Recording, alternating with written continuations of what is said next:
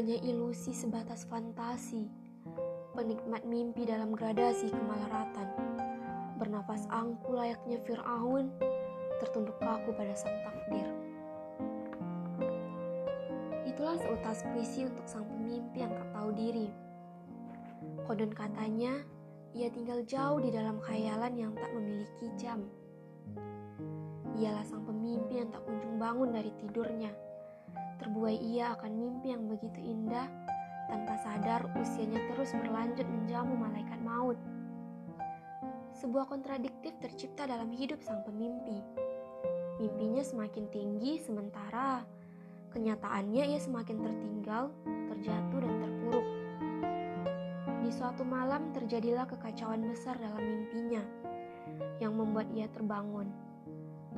Ia sampai pada suatu titik di mana Ketika dia menoleh ke belakang, tak ada seorang pun yang dia lihat. Lalu dia menajamkan pandangan ke depan. Terlihatlah teman-teman yang masuk PTN favorit, merintis karir menjadi pebisnis, jalan-jalan ke sana kemari, dan mereka berhasil mendapatkan apa yang mereka cita-citakan. Di titik itulah si pemimpi sadar ia telah jauh tertinggal dan mulai melabeli dirinya menjadi manusia gagal.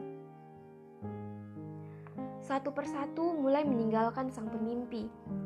Teman-teman yang sibuk dengan urusan masing-masing, keluarga yang satu persatu pergi menghadap ilahi, dan itulah masa-masa terburuk sang pemimpi.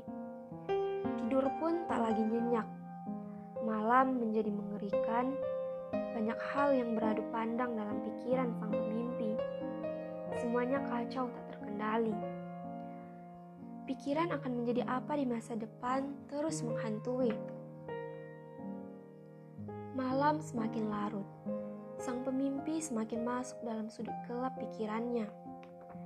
Sampailah dia di sebuah cermin besar memperlihatkan sosok manusia miskin pemalas yang tak tahu diri Sang pemimpi ingin memaki sosok itu. Dasar miskin tak tahu diri. Apa kau ingin mewariskan kemelaratan ini kepada anakmu? Hah? Jawab. Hardik sang pemimpi dalam dirinya. Tapi tak ia suarakan. Percuma saja, toh itu dirinya sendiri. Perlahan kaca itu menampilkan sosok lain. Sosok seorang perempuan tua, wajahnya penuh kerutan kulitnya lagi karena berjuang melawan matahari di kerasnya kehidupan. Bukannya marah, perempuan itu malah mengelus pelan kepala sang pemimpi sembari berucap, Ayo sayang, bangkit, kamu pasti bisa. Selesaikan satu-satu ya, pelan-pelan. Pada akhirnya, semua akan selesai, entah diselesaikan semesta atau terselesaikan olehmu. Sang perempuan tersenyum lembut menatap anaknya sejenak, lalu kembali berucap, "Kerjakan dengan serius, tekuni dengan baik, dan semangat. Insya Allah, kamu bisa memenangkan permainan kehidupan."